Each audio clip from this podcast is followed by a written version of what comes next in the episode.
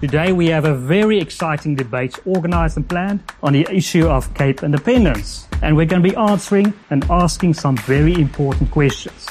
Questions like, is the ANC a criminal organization? Or is it just an organization full of criminals? The ANC has just destroyed everything in this country. 28 years you continue to, you know, to allow this to happen. We should blame ourselves. Our people, they lack the education. They don't understand the power that they have of voting out the ANC. If the government does to you what apartheid has done to you, vote them out. Let's support Mandela. DA, you're on your way out. You're not going to survive.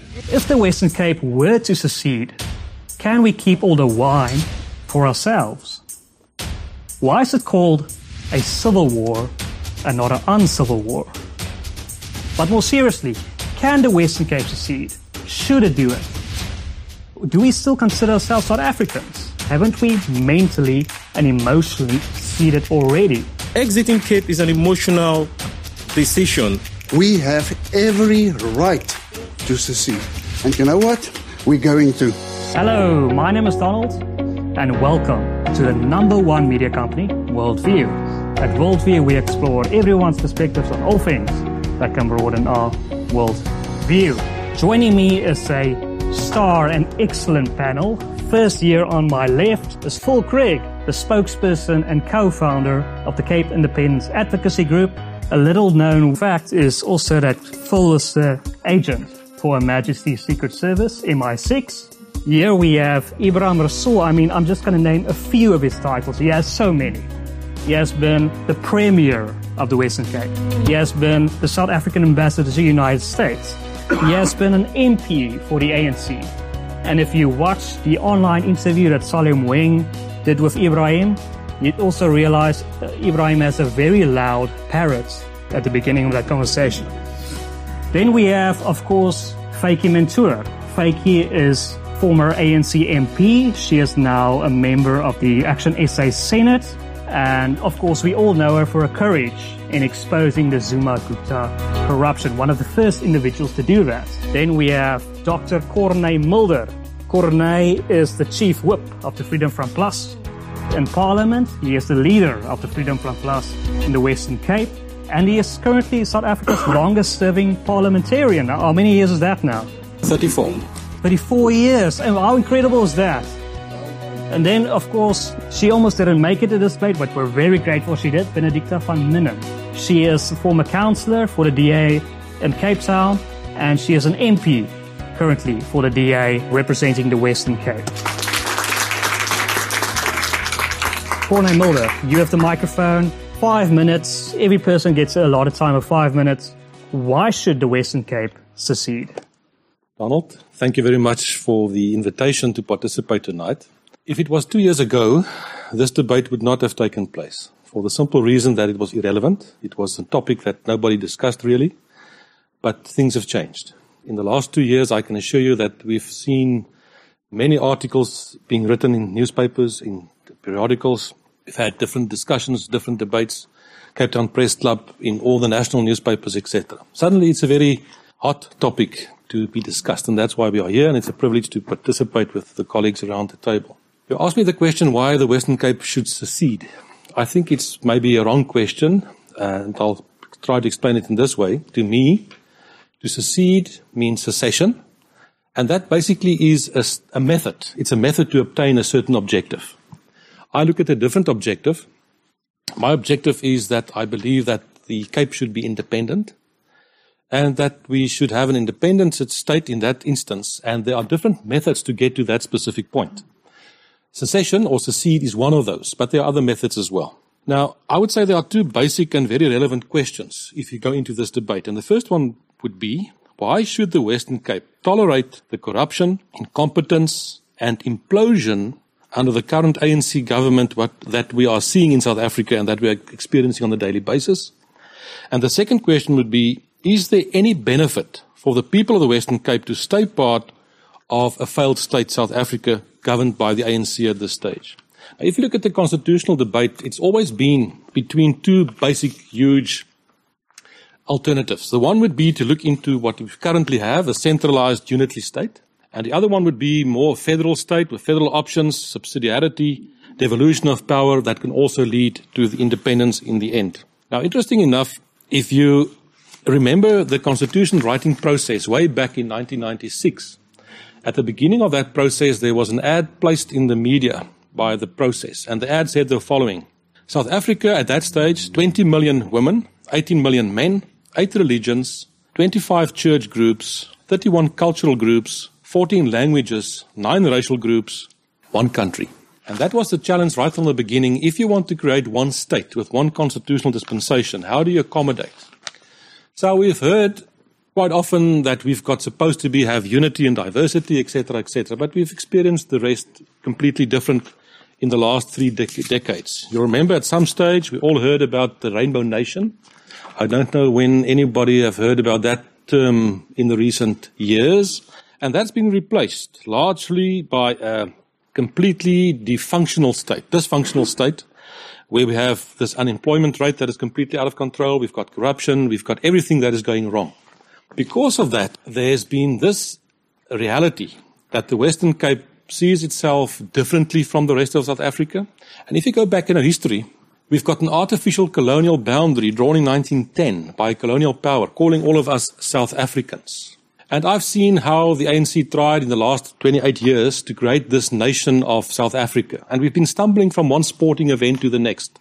Huge enthusiasm at each and every event, and it lasts about for three months. But the reality is very different. It's not a question why the Western Cape should or should not. It's a reality that is playing itself out. It's going to happen. It's only a question of when and how. That's just the reality. As we are experiencing the ANC's collapse and implosion at the moment, and we see that the failed state is becoming more and more stronger and is happening on a daily basis, this reality will get stronger and stronger throughout. People may not be aware of that. There's an organization which two years ago had 7,000 signed up members. It's called Cape Exit. That number of members, not Facebook group, not the petition, signed up members grew from 7,000 to 825,000. And the people who've signed and became members of Cape Exit in completing that membership form clearly indicates that they are first of all in favor of independence for the Western Cape. And secondly, that if there's a referendum, and there will be more than one perhaps referendum, they will vote in favor of such a referendum. So it's a reality. It's wonderful. I can hear that, and it should get louder. the reality is that this idea of self for the Western Cape to become independent is going to grow, and it doesn't have to be in conflict with the rest of South Africa. We are moving into a new dispensation, and the only thing that is sure in politics is that everything changes.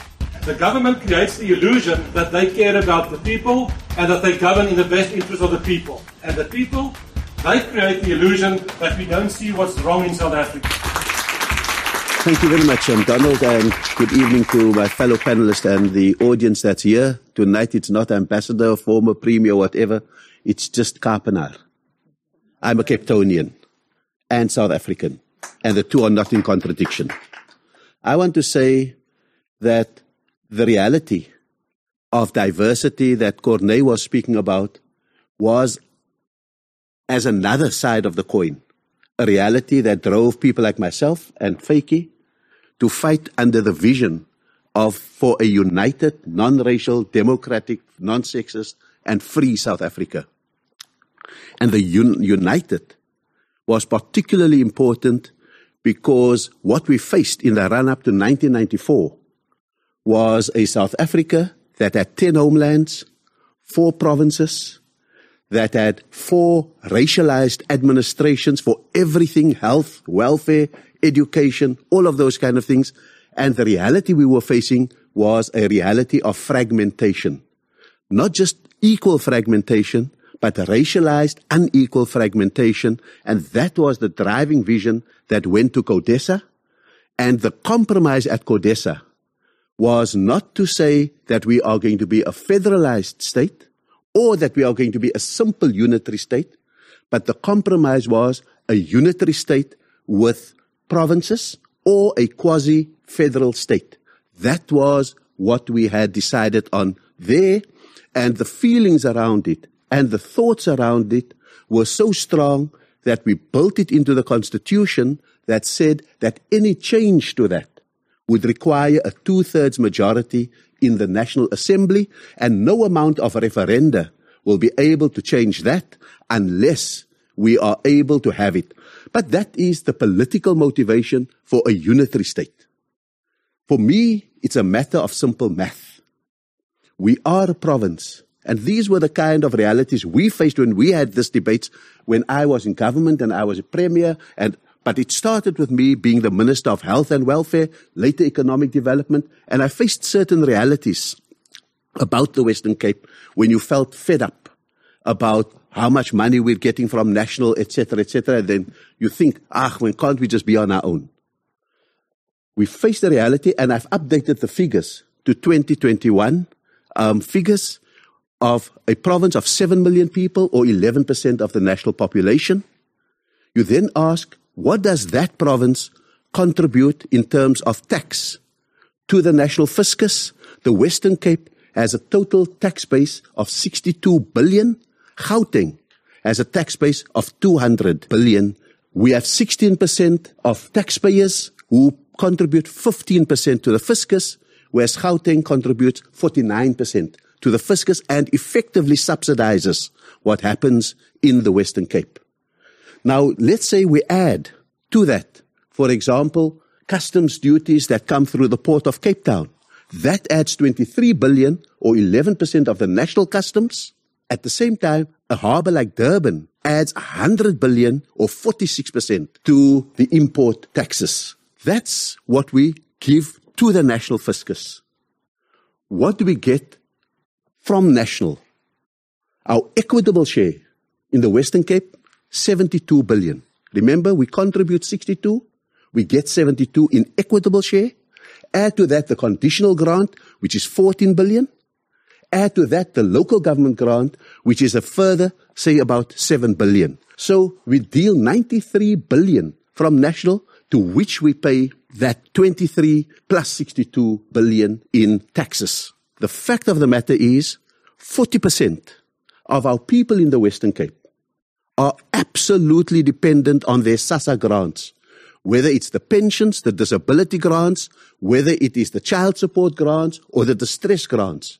40% of it comes directly out of the national fiscus at the rate of about 23 billion per month. Let's say 10% of that has to come from the province itself, multiplied by 12. And so when you want, like I would tell my child, when he asserts his independence, I say, can you support yourself? If you can support yourself, then be independent. But while you are dependent on me, there are certain rules that apply okay. in this house. And therefore, I think feelings are one thing, ideologies are another thing, political philosophies are another thing. But at the end of the day, what is the math? If we are upset, okay. like Vytjie is and like I am about national and the ANC, vote them out, don't secede. Okay. Thank you, Ebrahim. Thank you, Donald, uh, for organising the debate, and thank you to my uh, fellow panelists. Um, the argument for Cape independence is based upon three incredibly simple and irrefutable truths. And as we'll probably see tonight, the argument against it is often to find as many ways as possible to complicate Cape independence in order to having to avoid these truths because they're so simple and they're so irrefutable. And, I, and tonight I hope that my job is to keep us focused on these three truths while perhaps my opponents will look to avoid talking about these three simple truths. So what are they? Number one, we've got problems. We've got big problems unemployment, poverty, crime, inequality, corruption, economic growth, electricity, government debt, bankrupt state enterprises. We could, we could go on. We've got problems. Number two, there's a fundamental difference between how the people of the Western Cape think we should address these problems and how the people of the rest of South Africa think we should address them. And this ideological divide between the Western Cape and the rest of South Africa has existed since the very beginning of our democracy. We've been here for 28 years and we never voted for the government that is destroying South Africa. And the third truth is that the people of the Western Cape, and here I disagree with Ebrahim's assessment earlier, have an absolute right a legal right to determine their own future for themselves and decide how and by whom they're governed. And we've got these three simple truths. We've got problems, and that's a fact. There's a fundamental difference between the Western Cape and the rest of South Africa. It's a fact. And the people of the Western Cape have a right to determine their own future and not have it determined for them by a government they didn't elect and who they vehemently oppose. And that's a fact. And whilst we can never know for certain what the future holds, all of the evidence currently available to us indicates the people of the Western Cape will do better when they're able to govern themselves. And even with a little bit of power that the province currently has, the Western Cape already outperforms South Africa by almost every possible objective measure. And Cape independence will significantly improve the lives of the people of the Western Cape. Thank you. Wow. Thank you, Donald and Worldview, for organizing this important uh, discussion. I would like to also thank my fe- fellow panelists and the audience. Um, you know, until I got your invitation to participate in this discussion, I was just um, pushing your idea as absolutely crazy and not even reading up on it but I had to begin to read up to prepare myself for, for, for this uh, panel discussion tonight. And I went into reading with a fairly open mind, hoping that at the end of my reading, I would um, see things as you guys see them. And I, I did not become convinced. As Ebrahim says, um, I strongly believe that the people of South Africa are one. And uh, in your documents, you speak about the issue of language as one, a common language, as one of the unifying things or the criteria that makes it um, necessary or possible for Cape exit to, or the Cape to want to secede or to, to have um, independence. However, if we take Afrikaans, for instance, as a language, or Xhosa for that matter, Afrikaans is spoken throughout South Africa.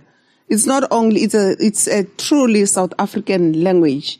So I was wondering when I was reading up, how are you going to determine which Afrikaans speaking person w- will be legitimately allowed to belong to um, the independent or the seceded Cape?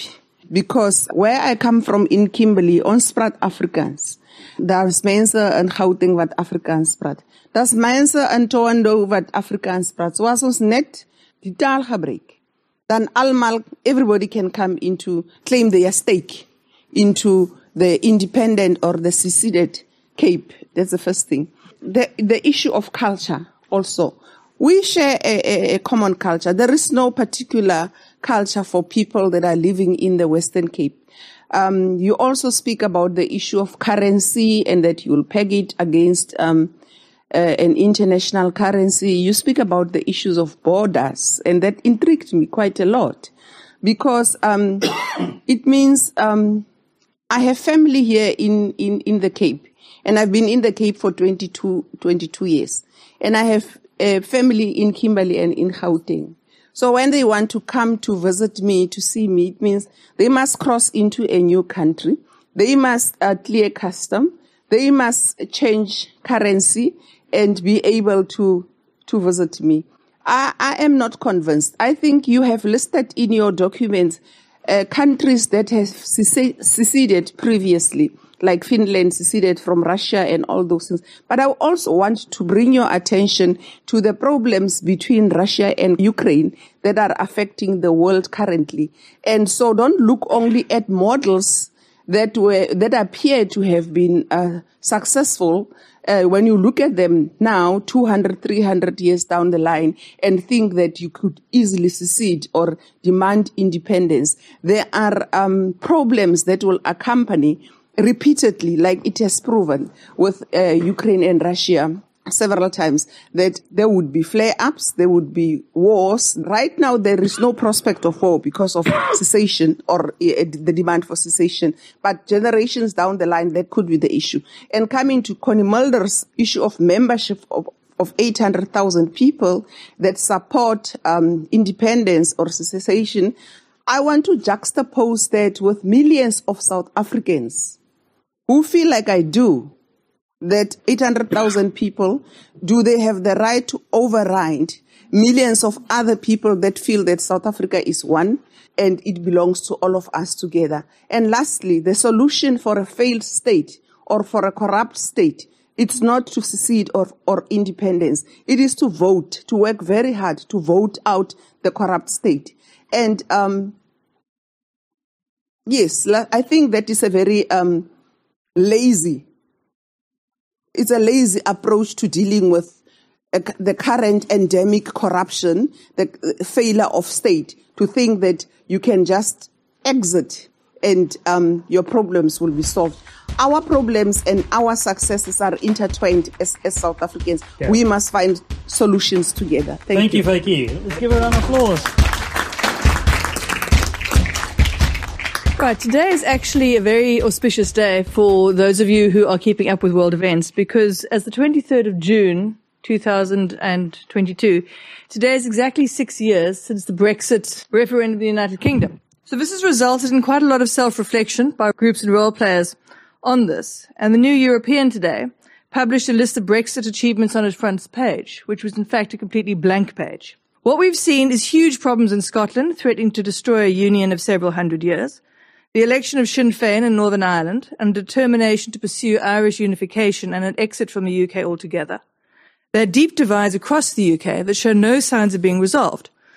Two general elections, several administrations, with the latest one seriously challenged by a monk from the backbenches, uh, which is very indicative of the people who are not on the cabinet payroll being against the current leader. By elections today in England, two of them, which they're probably going to lose, and we're seeing serious pressures on the current administration. The economic promises held out have not materialized. Certain industries have been devastated because of lack of migrant labor and staff. There's a shortage of truck drivers and food prices are seriously rising.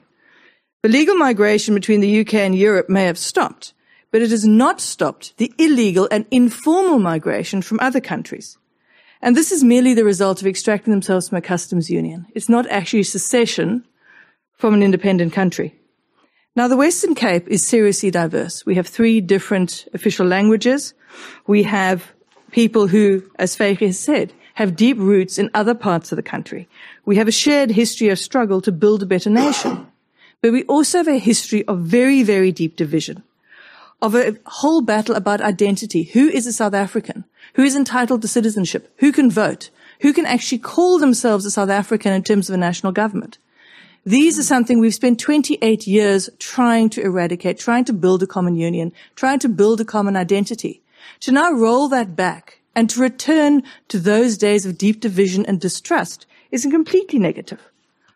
Also, what we're seeing, unfortunately, is that people who support Wexit, and I mean they're entirely entitled to their opinions, are not being entirely open and honest about the constitutional provisions. What we have in the Western Cape is our own constitution, which is not entirely in line with the national constitution. So before we can have a referendum, we need to amend the current constitution. Now the Premier has indicated that that will happen, but whether or not that means he will then actually accede to having a referendum on this is an entirely different issue. What is also of importance is a referendum is not binding. Okay? It is not a legal um, it's not a legal mechanism. It is merely a political mechanism used to manage expectations. So let's say we actually have the referendum. We then have to see what's actually going to win. What is the majority of people actually going to vote? And quite frankly, with the greatest of respect, what we're seeing after 15 years of campaigning is only two seats in the current Cape Town administration. And I mean, the leader of the Cape Exit Party re- resigned after his first meeting. So we really have to debate, is there genuinely that kind of support out there? Now, once there actually is a referendum, and if the majority of the Western Cape votes for it, it's not binding on the national government at all. So it doesn't even necessarily mean that is going to happen. Even if it were binding, it would mean when we need to have two thirds of support in the National Assembly and six out of nine provinces in the NCOP to support it. And then there's the final issue that frankly, secession is not a provincial matter. It is a national matter and it affects everybody in this country. It's not just some people in the Western Cape who want to get away from the rest of the country. As Phil says, we do have problems. Yes, indeed, terrible problems. However, in the Western Cape, we do have the best run government in the pro- in provincial government in the country. There are huge differences as well between us and the rest of the country or between KwaZulu-Natal and the rest of the country. You can argue that there are differences anywhere. But that's not a reason to secede. It's not a reason to break up a unitary country. I mean, finally, in terms of a legal right to self-determination and expression, that is something that could be completely encompassed within the current situation of devolved powers in the provinces and in metros, which we're seeing the Premier and the Mayor in the City of Cape Town pushing to a very large extent. And that is by far the better option than a destructive breakup of a unitary country. Thank you. I just want to ask a quick question. I understand everyone's position here except the de- Democratic Alliances. So there's currently a bill pending in Parliament that would allow the, the, the Premier of the Western Cape to call a referendum. If that bill were to pass, will the Premier call a referendum? I'm just confused as to why. I mean, you're, you're very vocal in your, your, um, your antagonistic against this entire approach of Cape independence. Why are you then pursuing this independence referendum bill in Parliament. Okay, so currently, because the Western Cape has its own constitution, unlike the other provinces, it does raise certain issues. That's why, for example, in the Western Cape, there are ministers rather than just MECs. So currently, the Premier is not able to call, cause, call a referendum. There are sort of desires within the provincial government to now amend the constitution in various ways. That is one of the things. But remember that a referendum on independence is not the only thing that needs to be debated. The DA's view is that what we need to do is devolve powers down to the provinces. And having referendums, although they're not legally binding, would then potentially have persuasive power on various issues.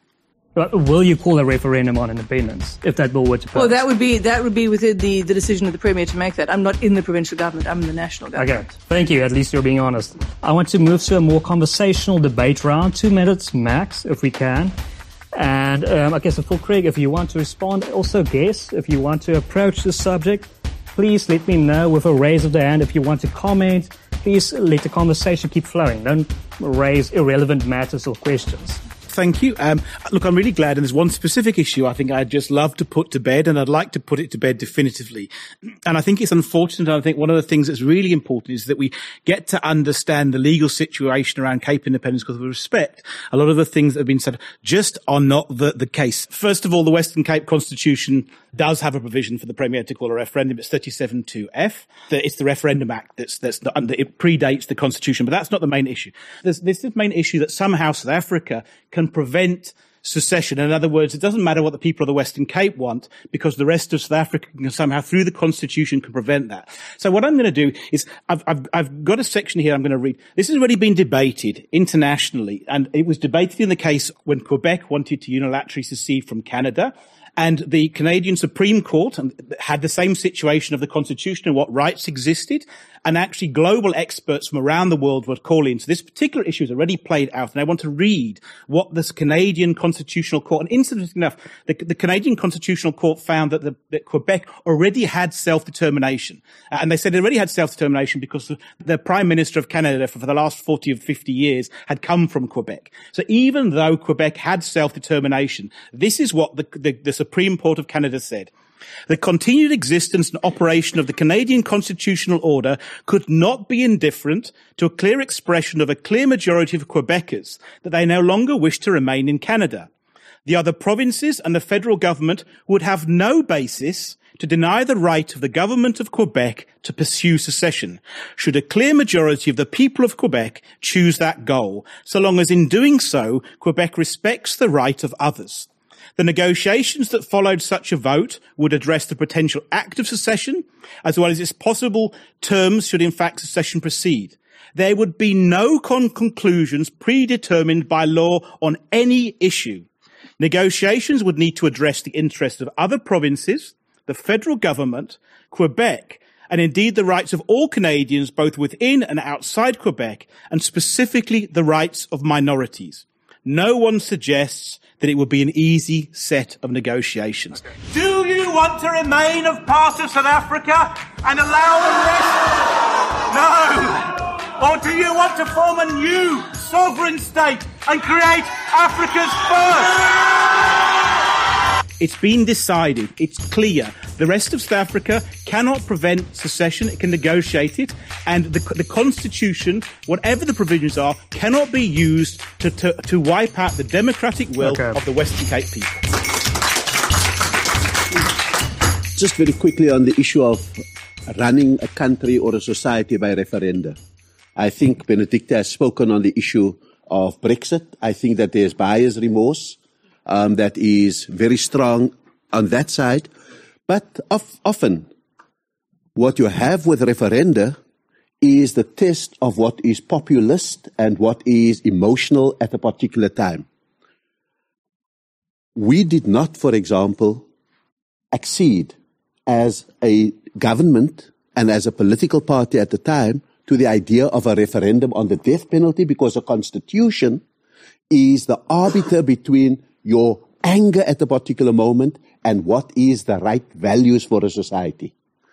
Now, I think if we open up the debate on running a country by referenda, in Afrikaans you say, jy maak 'n lat vir jou eie gat. Because at the same time, imagine the EFF comes to power or gets enough power to call a referendum on land expropriation. You then begin to lay the foundation for greater problems in a country like South Africa.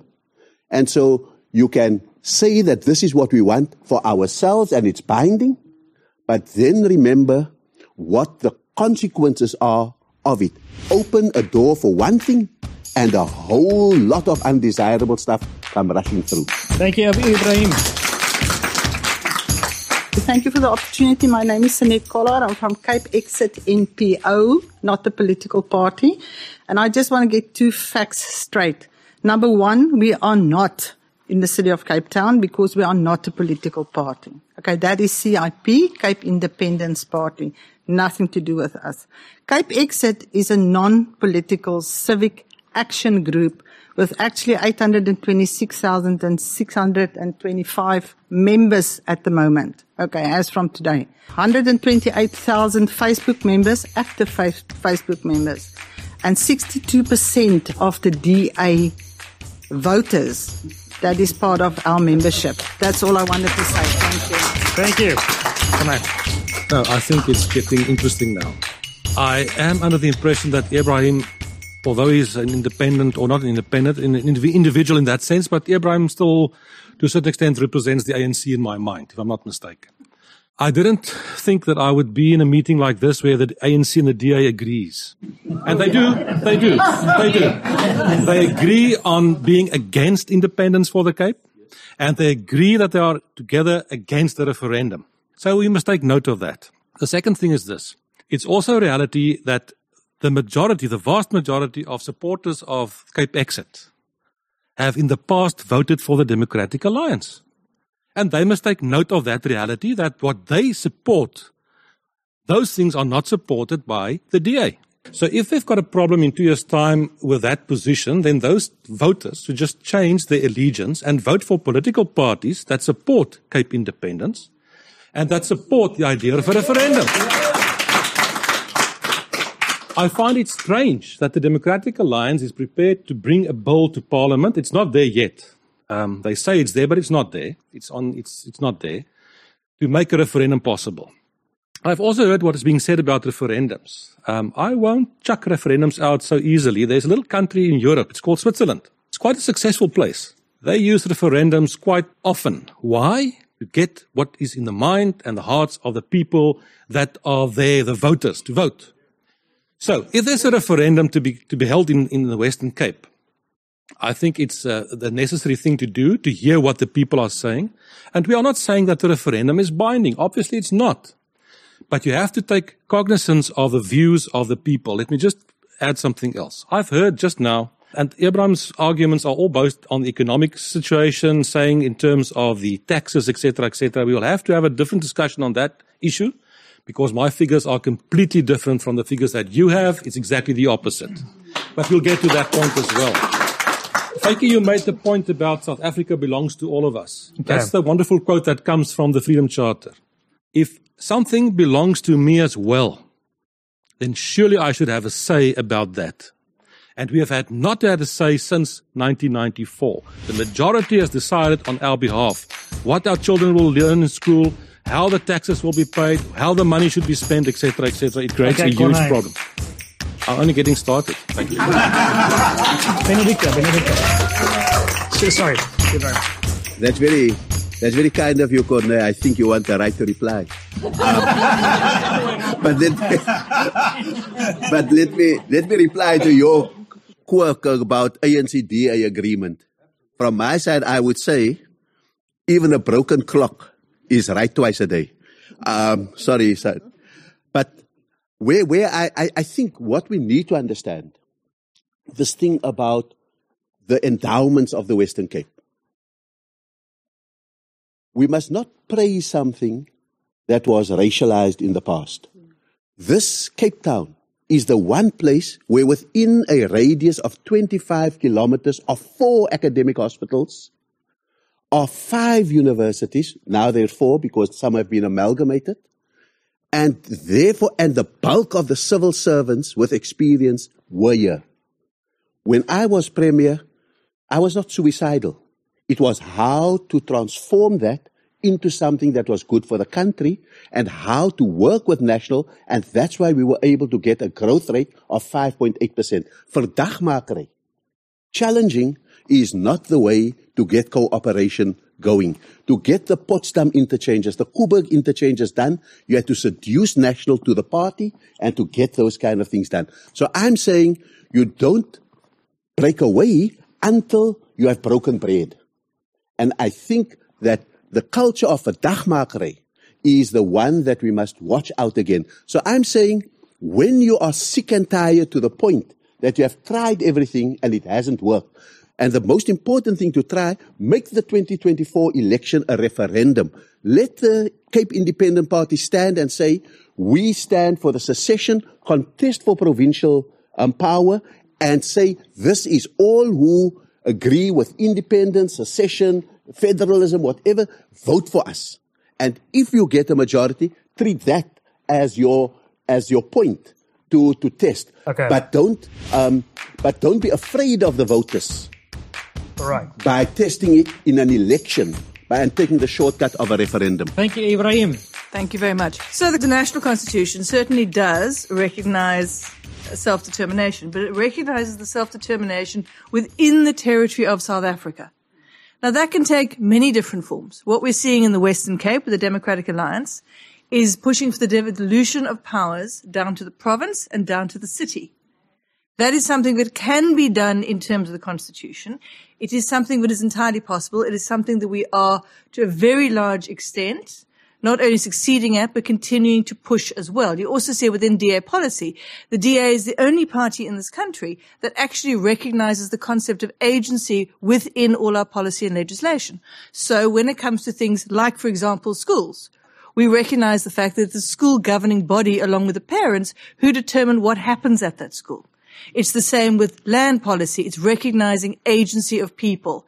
We're not deciding for people. We're putting the choices in their hands. And that carries through as well to in the future, if we do do referenda, is to looking what people are thinking. Whether or not there would be one on Cape Independence is something that would still need to be discussed. And as I've already said to Phil, there is the small issue. You'd actually need to have a majority of people supporting it. And quite frankly, from where I'm sitting and from the position of a DA, we certainly don't see that happening at this point. Thank you.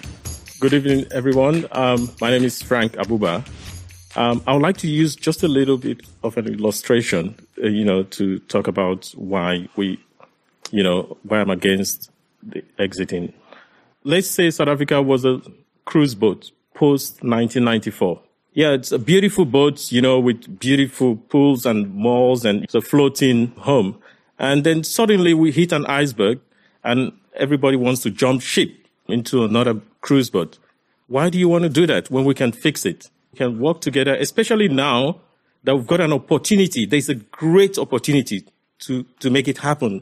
2024. It's around the corner and we can do it. It's very, it's possible. We've overlooked that. We've looked, we've, we've waited 28 years. You know, whose fault is it? 28 years you continue to, you know, to allow this to happen. We should blame ourselves. Um, exiting Cape is an emotional decision. I believe so. I would, you know, I would agree. But, you know, if you have to look at it in the real sense, it shouldn't happen. Thank you very much. Thank you. I also find myself agreeing with, with, with the DA that um, constitutionally, you, for, for this thing to pass, unfortunately, it can't only be the uh, inhabitants of the Cape, their feelings, their emotions that are the final arbiters of whether they will exit or not. The constitution precisely says that this must be taken to representatives of the country, which is the National Assembly, which is 75%, and six provinces. So we may, you may even succeed in getting a referendum, referendum. And referendum, referenda are very emotive. We all know that. And as uh, Ebrahim Rasool says, um, the, the EFF we know has got an ability to whip emotions. Tomorrow it might not only be the issue of land, it might, it might be the, the, the issue of open our borders for everybody to come in. So you, you don't really, I'm not, I'm not opposed to testing the feeling and the emotions of the people resident in the Cape in terms of whether they want to um, become independent or what. But that is that is the first step. That will be the first step. The very last step, the most important constitutional step, is will South Africans, broader South Africans, as represented by National Assembly, will they agree? And I doubt that they will agree. To give you some background, I saw this unmitigated disaster coming. I took my family out of this country in 1994, 1995 actually. And I was right. It is an unmitigated disaster. The ANC has just destroyed everything in this country. There's nothing left of it. You could set your watch on the railway trains arriving at the station. They don't run anymore. We built our own jets, our own weaponry. You know what? We had a nuclear weapon. Doesn't exist anymore. You tell me one government institution that's still functioning today, and I'll give you all the money I have. I don't have much, but I'll give you everything. You can't. It does not exist.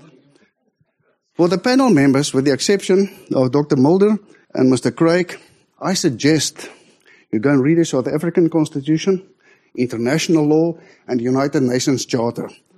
We have every right to secede. And you know what? We're going to.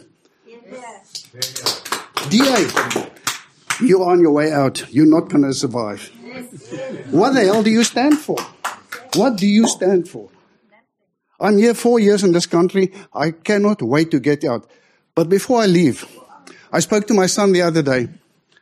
He's in South Carolina, and we were talking about the Cape Independence thing. He said, Dad, I'll be back tomorrow with my family. My son in Florida, the same thing. They'll be back tomorrow. And I think I speak for millions of South Africans overseas. They'll be back tomorrow. So let's do this damn thing. Let's support the Freedom Front. Let's support Mr. Craig and his organization. You guys got to get your stuff together. Otherwise, this is the final song for you. Thank you. You. You've just now said that we should be careful of referendums because who knows, the EFF may come with a referendum to open the borders. I don't want to burst your bubble. The borders have been open for 28 years.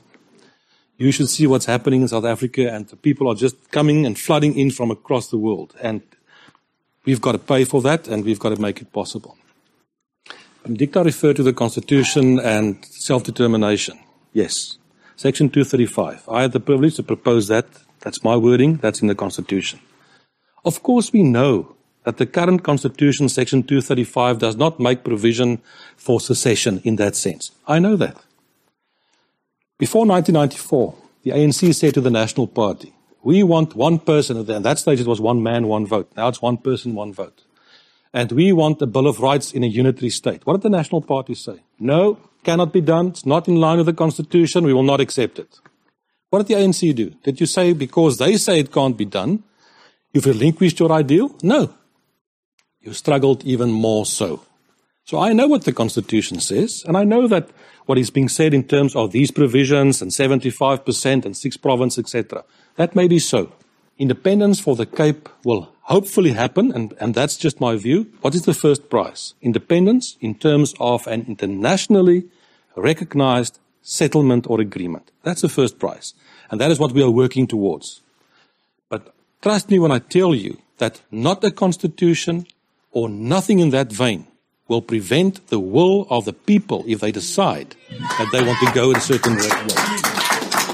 You can, you can come along and say the Constitution says you're not allowed to do that. We saw what happened in KZN last year. People will say, well, I've got some rights in terms of the Bill of Rights. Where, what happened to the Bill of Rights during that reaction, that uh, situation? A constitution is not there for the people to serve. A constitution must serve the will of the people. It must be a part and parcel of what is in the hearts and the minds of the people that it's supposed to represent. Now, the problem is at the moment, yes, I'm working on a daily basis to get rid of the ANC government. It's not a, it's not a secret. That's what I'm doing. We've succeeded in certain metros in Gauteng. We took 162 billion out of the hands of the ANC by forming coalition governments. We are going to do the same in 2024 on a national level. That's what we are working towards. If we succeed in doing that, then we have a chance to steer South Africa in a different direction. But it's not going to be easy. Why? Because we don't have a normal democracy. Each and every day, the ANC and the EFF are trying to subvert those governments up north, which elected democratically so. We had today, again, where there was an attempt of a motion of no confidence in the speaker, which we defeated. We don't have a normal democracy. Okay. I think one thing we should just be clear is we all understand that Cape Independence wasn't most of our first choices. It's an act of last resort. And I want to just come back on, on some of the solutions that people are throwing out around the table. Vytjie says, well, if you don't like the government, vote it out. Well, for 28 years, we never voted it in. We're trying to vote it out. We've tried for 28 years to vote it out. We can't because the system is fixed and we cannot vote them out because the rest of South Africa, who's more populous than us, dictates who the government is and we get to swallow what's left. Fix South Africa. Well, we're tr- who are we trying to fix South Africa? We can't fix South Africa because South Africa's going backwards. Okay, but we can fix the Western Cape. We're going to devolve powers. What powers have you devolved? You can't even get control of the police. You've asked for control of the police and the police minister says, no, we're not going to give it to you. We want to fix the railways. No, you can't have it. You can't even get the basic powers. And if we can't get control of economic policy, if we can't get control of taxation, if we can't dictate that and govern the province according to the ideology that the people of, of voters of the province want, we can't fix it. And 2024, my goodness, the ANC at 51%, I would take any day of the week over the ANC at 45%. And heaven knows who they're going to end up in a coalition with and what deals are going to get done. And we, we, we struggle to hold together coalitions in everywhere around the country. They're a disaster. Every politician I talk to says to me, coalition, governments, my goodness. 2024 isn't salvation of South Africa. It's the last, it's the last hurdle. It's the last destruction of South Africa and chaos is going to reign. But let's not pretend that somehow that, that there's some magic solution. Cape independence is an act of last resort, but that is where we are. We're at last resort. Good evening. Uh, against the independence, uh, the Cape independence, and reason being, I believe so much that this country has a lot to offer, number one. And my belief in the Cape independence is that it's taking us backwards rather than forward. It's a few individuals, which is just in numbers. If you're over 800,000, it's a lot of you. But will that mean, are we in a democratic state where we really say majority? Or are we saying only because you, certain people want to independence, and then let's go for that. And in that independence, what more is it opening up for? Then uh, Mr. Rasool also indicated that what if EFF comes tomorrow and say, now we need actually to take this land? Let's put it in the referendum. Let's put, let's, let's, make independence on that. I mean, there's a lot of things that may come out of that. But at the current moment, 2024 is only our hope in solving this country. And I believe in 2024, people have seen the rot that is in the ANC and they are ready actually to take ANC out. That is no doubt. The only thing that the Cape Independence and any other political party should do right now is to make sure that we educate our people in terms of how bad it is to vote for the ANC. Irrespective of you think it is your government, but it is actually not. For a good example, right now you'll find that the poor people, the poorest of the poor, those are the people that are voting for the ANC. But is that the ANC that is working for them? No, it's not. But our people, they lack the education. They don't understand the power that they have of voting out the ANC. ANC has lied to them and they continue to lie to them, and then that is why they continue to vote even today. Thank you.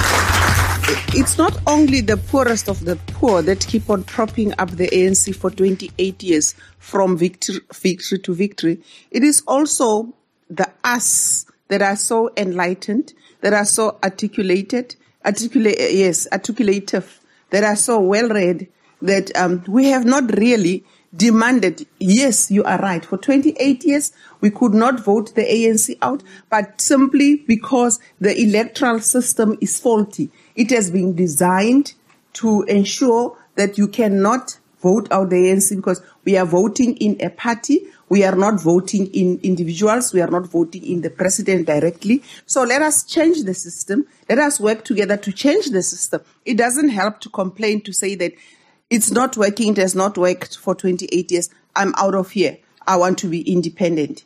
Apart from blaming the poor that because they get food parcels and 350, some of them around every election, what have we done?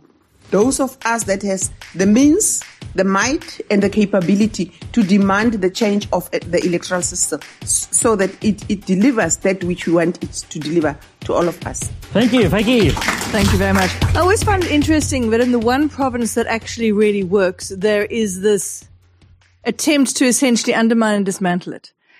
I think to use Frank's analogy is actually quite destructive. It is a case of being on a ship that is hitting an ice, an iceberg.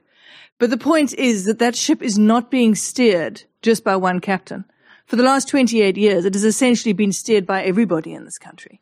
And I think we really need to understand that for some people to then leap off the ship, jump in a life raft and go off into the sunset is really not assisting the country as a whole. And we do all as South Africans have a responsibility to make the country as a whole work. What is very, very concerning is when you go, and I'm on Scopa at Parliaments, we go to a lot of the smaller municipalities that have the most appalling audit records. They really are shocking. But what happens come the election? The people who are there, who are suffering under that municipality, vote for the ANC again because they don't see alternatives or they don't really under, possibly understand that alternatives can happen. What we need to do, rather than destroying the system, is quite frankly to work to educate people across the country as to what the alternatives are. And there are several alternatives. Something like independence, breaking down hard won freedoms in this country is really not the way to go forward. So we really have to look sensibly at what the other alternatives are. And you don't run away from a country just because there are problems. People in America didn't run away because there were problems. What did they do? They reorganized and they vote differently the next time. That is something we should be doing in this country as well. This tendency to have self-determination because we you know our group is different to everybody else, so we want to govern ourselves. That's not the way. That is simply going to destroy everything. And we really have to look at voting differently to ensure a different future. And that is what we're doing in the Western Cape. And that is why we have the best indicators economically here versus the other provinces. Thank you. A comment from the audience? All right, I'm no, no political bulldog or whatever.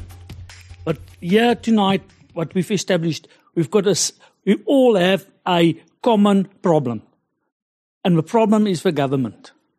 And there's no other way we're going to get rid of them is to vote them out. We're fighting each other. We should be fighting them. We're putting all our energy in, in fighting each other. What the hell?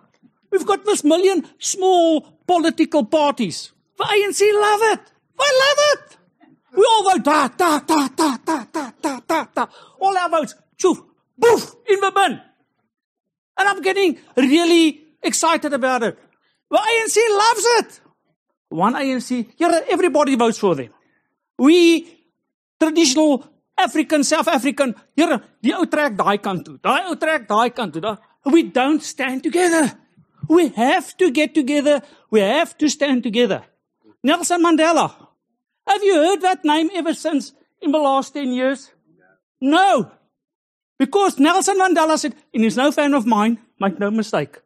He said, if a government does to you what apartheid has done to you, vote them out. Let's support Mandela. Let's vote them out. How? Stand together. Avoid Okay. this million Okay. small parties. Okay. Let us start getting Okay. standing together. You are wrong. I'll tell you now why you are wrong. I'll come back to it just now. Vytjie, you want to change the electoral system. Don't do that. If we change the electoral system, the ANC will govern another 20 years. Trust me. Trust me. Because if you change the electoral system, do you think the government will change it in such a way that they will lose power? No, they won't. People quite often say we want constituencies. If we go to constituencies, the ANC will have 80% of those constituencies.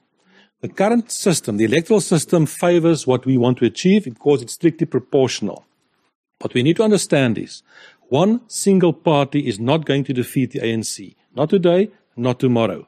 But coalitions of different parties coming together in a coalition have already defeated the ANC in the city of Johannesburg, in the city metro of Tshwane, in the city of Ekurhuleni. We're going to do that very recent, soon in, in the city of Nelson Mandela Bay and others as well. That is what the system makes possible in terms of coalitions. I understand what you're saying in terms of so many parties. We've got more than 400 political parties in South Africa.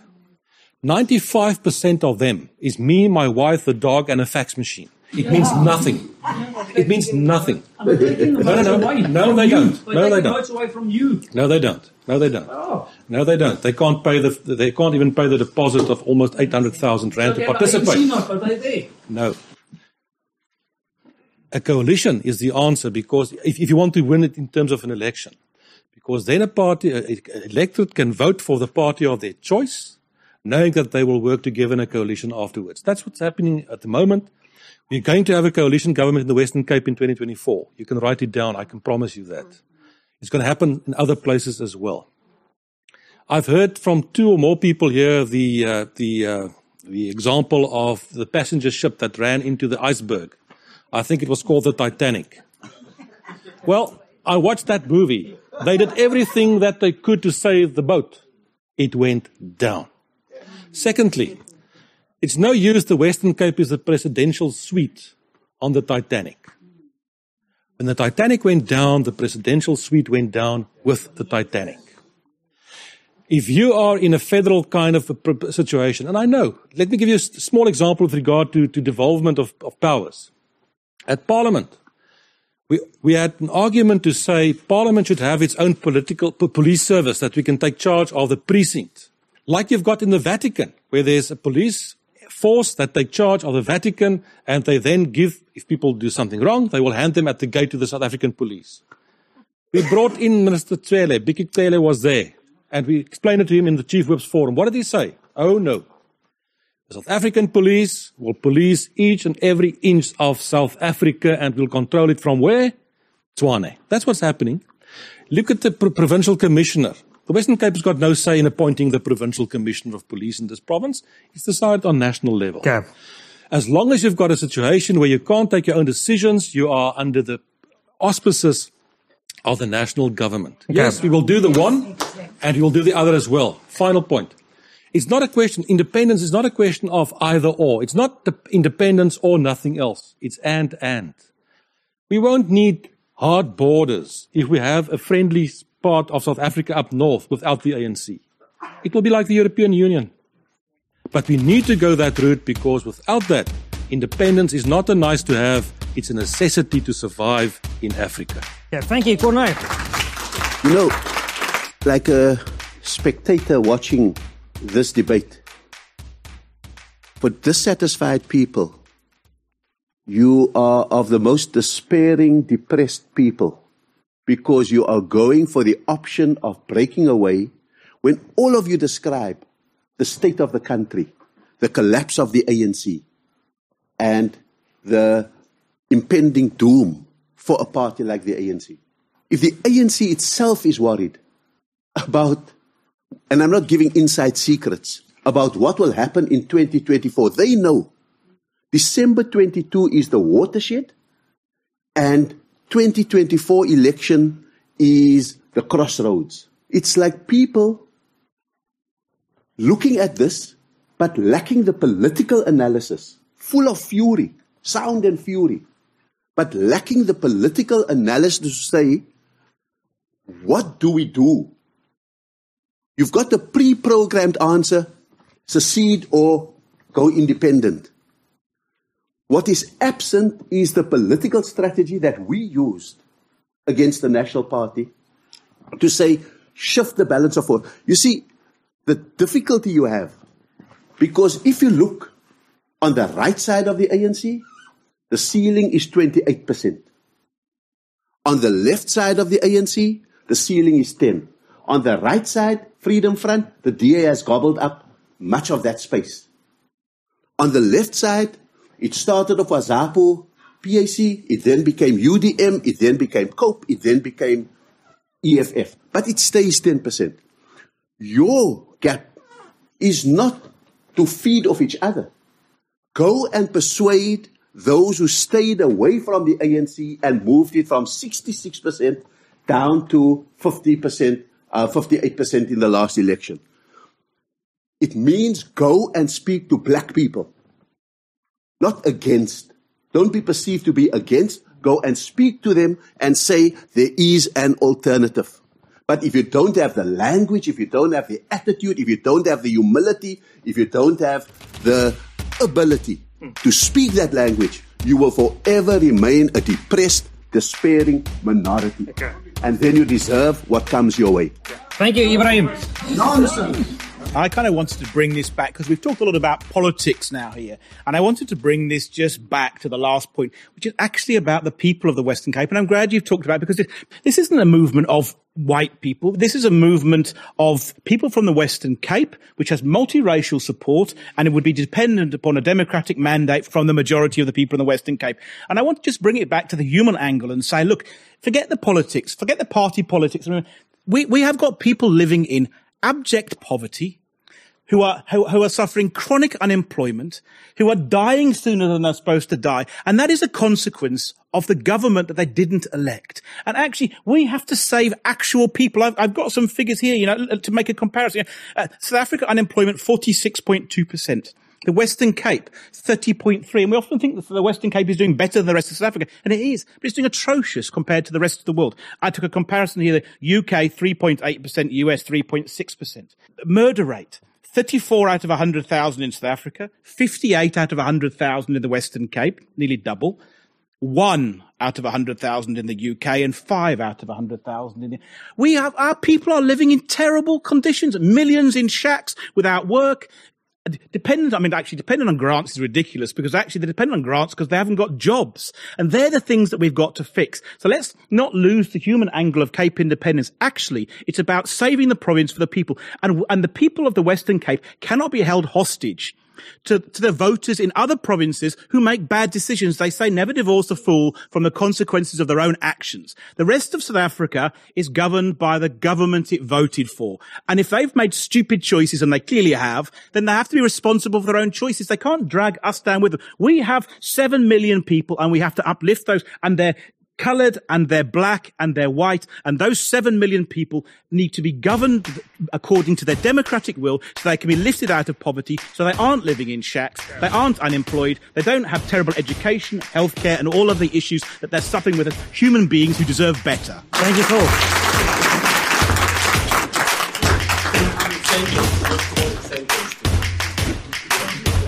Okay, one sentence. He spoke about the seven million people I promise you, those 7 million people will not vote yes for the exit. That's number one. Number two, we have identified the cancer of this country. You know, this country, for 28 years, we've allowed it to happen. I said that before. You know, we've got an opportunity to change it. We can change it. We can do it. We can fix it.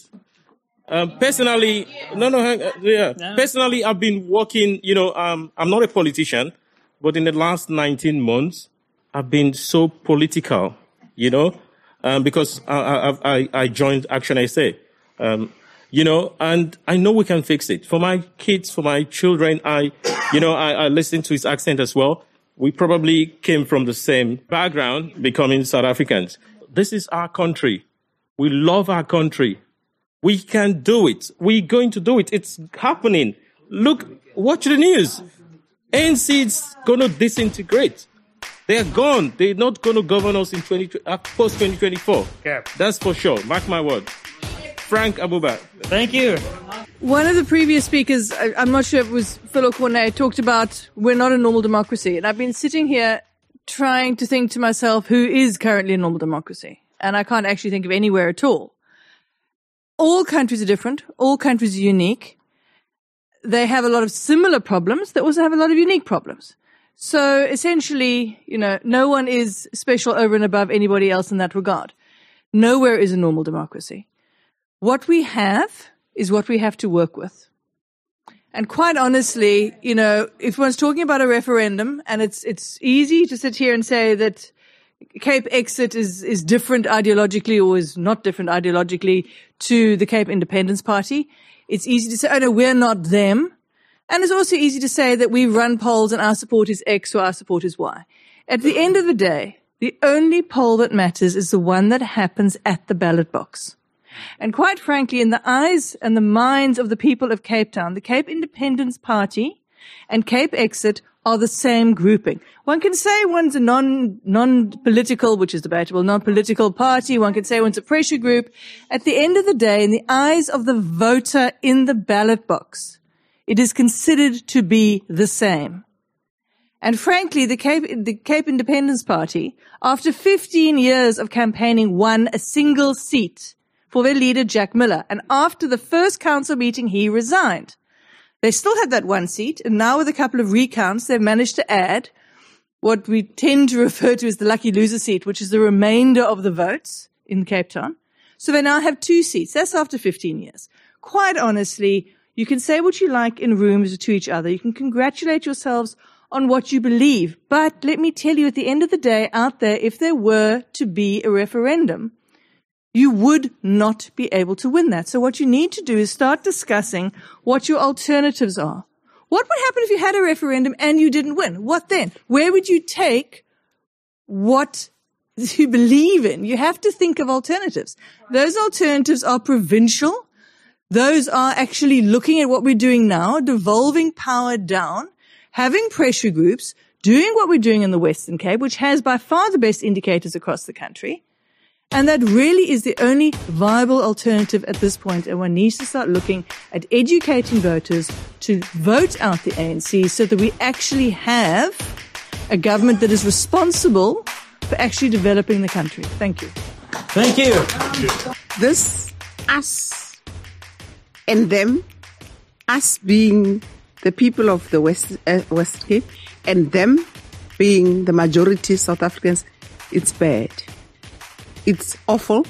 It tastes bad. It looks bad. Those are my closing remarks. Thank you. I think for many of us, if we're honest, we, we already know that Cape independence will produce the best outcome for the people of the Western Cape. Some people want to know it's okay to say so, but others want to know how it can be done and whether it can be done. But I want to use my closing argument to directly address the political party in whose hands the future of every single person in the Western Cape lies, and that's the DA. And as the province, we've put our faith in your party for three straight terms. And I don't know if you know the story of the little Dutch boy who saved his village by putting a finger in the dike and then sat there for the whole day until help could arrive, until the dike could be fixed. Well, in the Western Cape, the DA is that little boy. You've saved our village from the disaster that awaits us if the dike bursts. And you've been heroic and we're all in the debt of the DA but you haven't fixed anything. You're holding back impending disaster for as long as you possibly can. And in a hundred years, without Cape independence, Western Cape culture as we know it will no longer exist. The white people will all be gone. The coloured people will been forced into choosing between a civil war or subjugation to an African culture which is alien to them. And the black people who've escaped the collapse of South Africa by migrating to the Western Cape will have been enveloped by everything they ran away from in the first place. And the Western Cape didn't elect Jews so that you could use your votes to bolster your party political ambitions on the national stage, where outside of the Western Cape, only 16% of voters want you. And it's infuriating to hear sometimes the DA party leaders declaring that 75% of our voters or 70% of our voters live outside the Western Cape. Because 100% of the voters who voted the DA in this province live inside of it. And what kind of federal party anyway aggregates its support over different jurisdictions? That's the antithesis of federalism. And history is going to judge the DA for what they do next. Will they continue to be Esau and sell the birthright of the Western Cape people for a bowl of ANC soup? Will they be remembered along with Chamberlain as the great appeasers who tried to reason and placate Nazi imperialism? Will they be like Nero, who continue to fiddle as Rome burns, asking very nicely if we could just be allowed to govern our own police force, whilst 10 people every day are being murdered in the Western Cape? Or will you take the opportunity and deliver the ultimate autonomy to the people of the Western Cape? Not just the power to run the police and the railways and to generate a little bit of electricity, but the power to set economic policy, the power to lock up corrupt ministers and politicians and to keep them there once you've locked them up. The power to spend our own tax money on the people of the Western Cape, on the things that are important to us.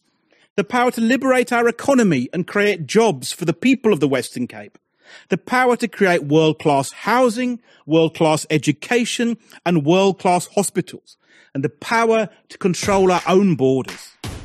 And I'm talking about sovereign power in the independent Western Cape. Thank you. Ebrahim. Thank you. Thank you very much. I think that this was uh, an interesting debate. And I think that there are a few references that leave me worried. The one about leaving in 94, not being a fan of Mandela, and we will return if you have independence. The other one is about the Western Cape not having an alien African culture imposed on them. And the other one is the comparison with Nazi dictatorship.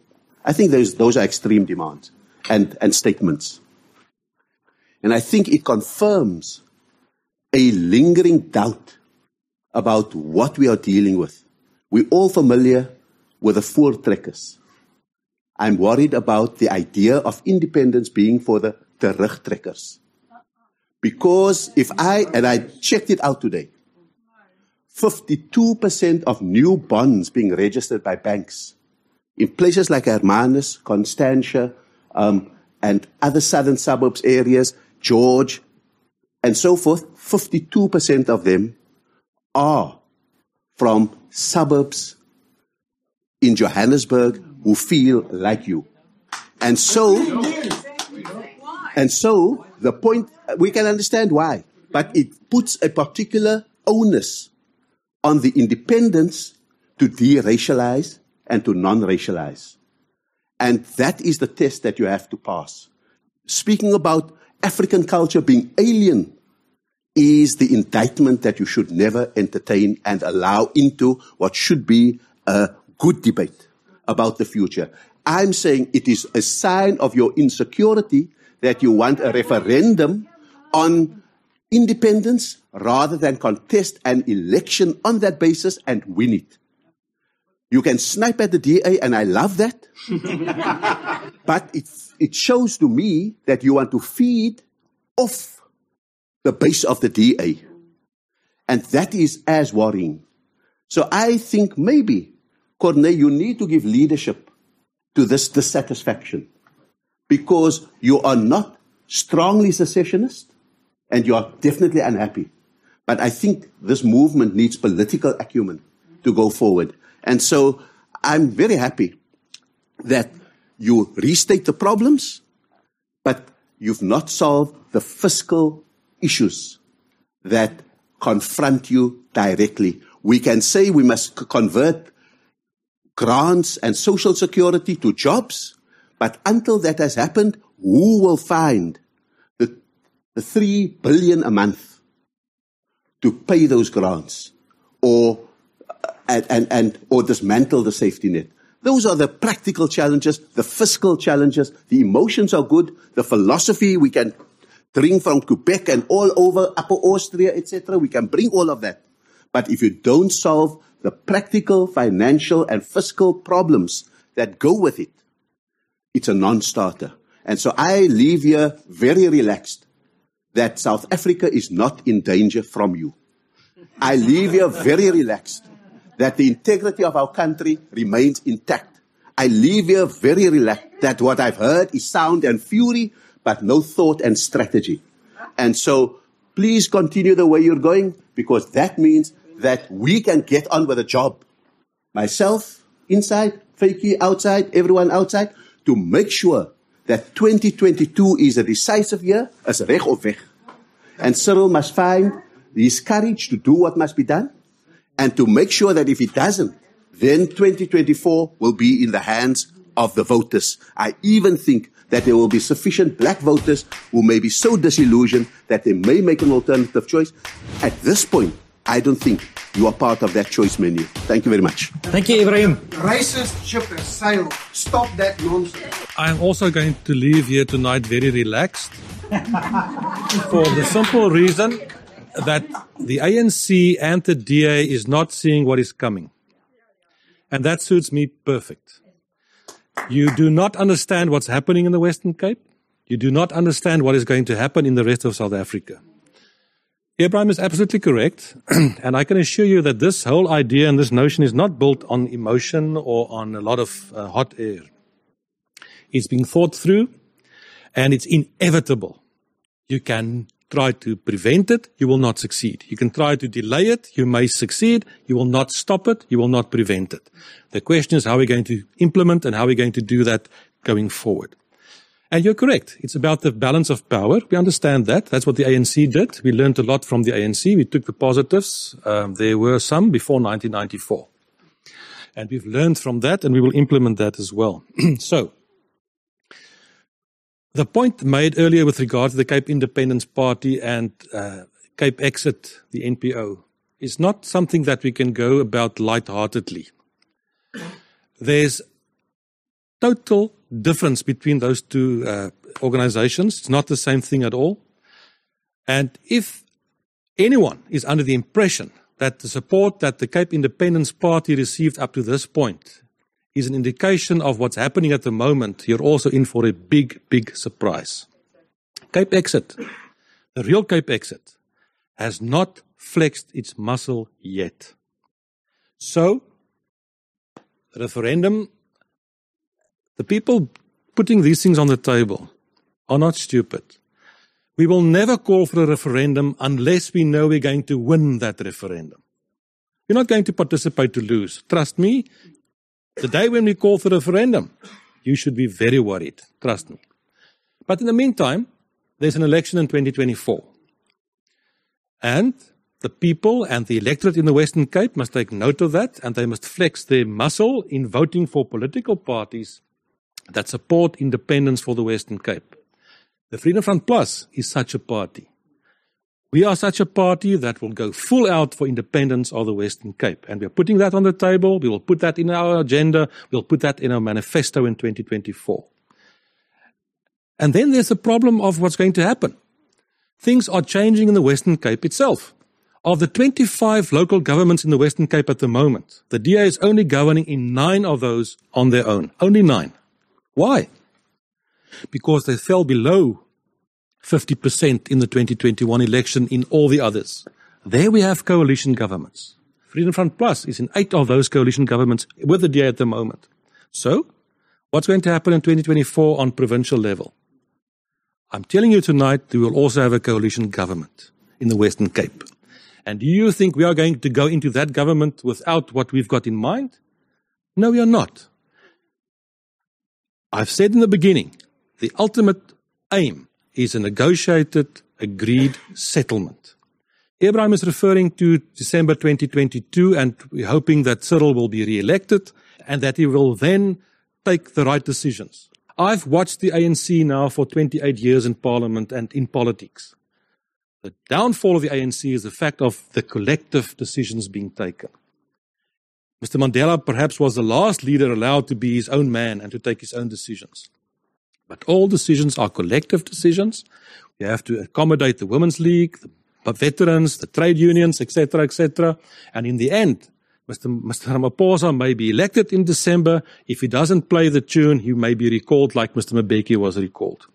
And even if we get, and we will go, we will do that, get many, many people, also black people, obviously. And I just need to make that point anyone who thinks that the independence movement in the Cape is a racial thing is ignorant. It's not. You will have to look at the leaders, the membership of Cape Exit. You will have to look at the people participating in the marches. It's a multiracial, multi-language, multicultural movement in the Western Cape. It's not a question of based on race at all. We understand that. But when you come to the election in 2024 on the national level, if the ANC goes below 50%, and that's going to happen, with whom are the ANC going to form a coalition? We don't know. Is it going to be the radical faction that forms that coalition with the EFF? That's the moment when Mr. Uh, Malema will step up and say, I can put the ANC back into government for a further term. Deputy President Malema, Minister of Finance Floyd Shivambu. and there we go.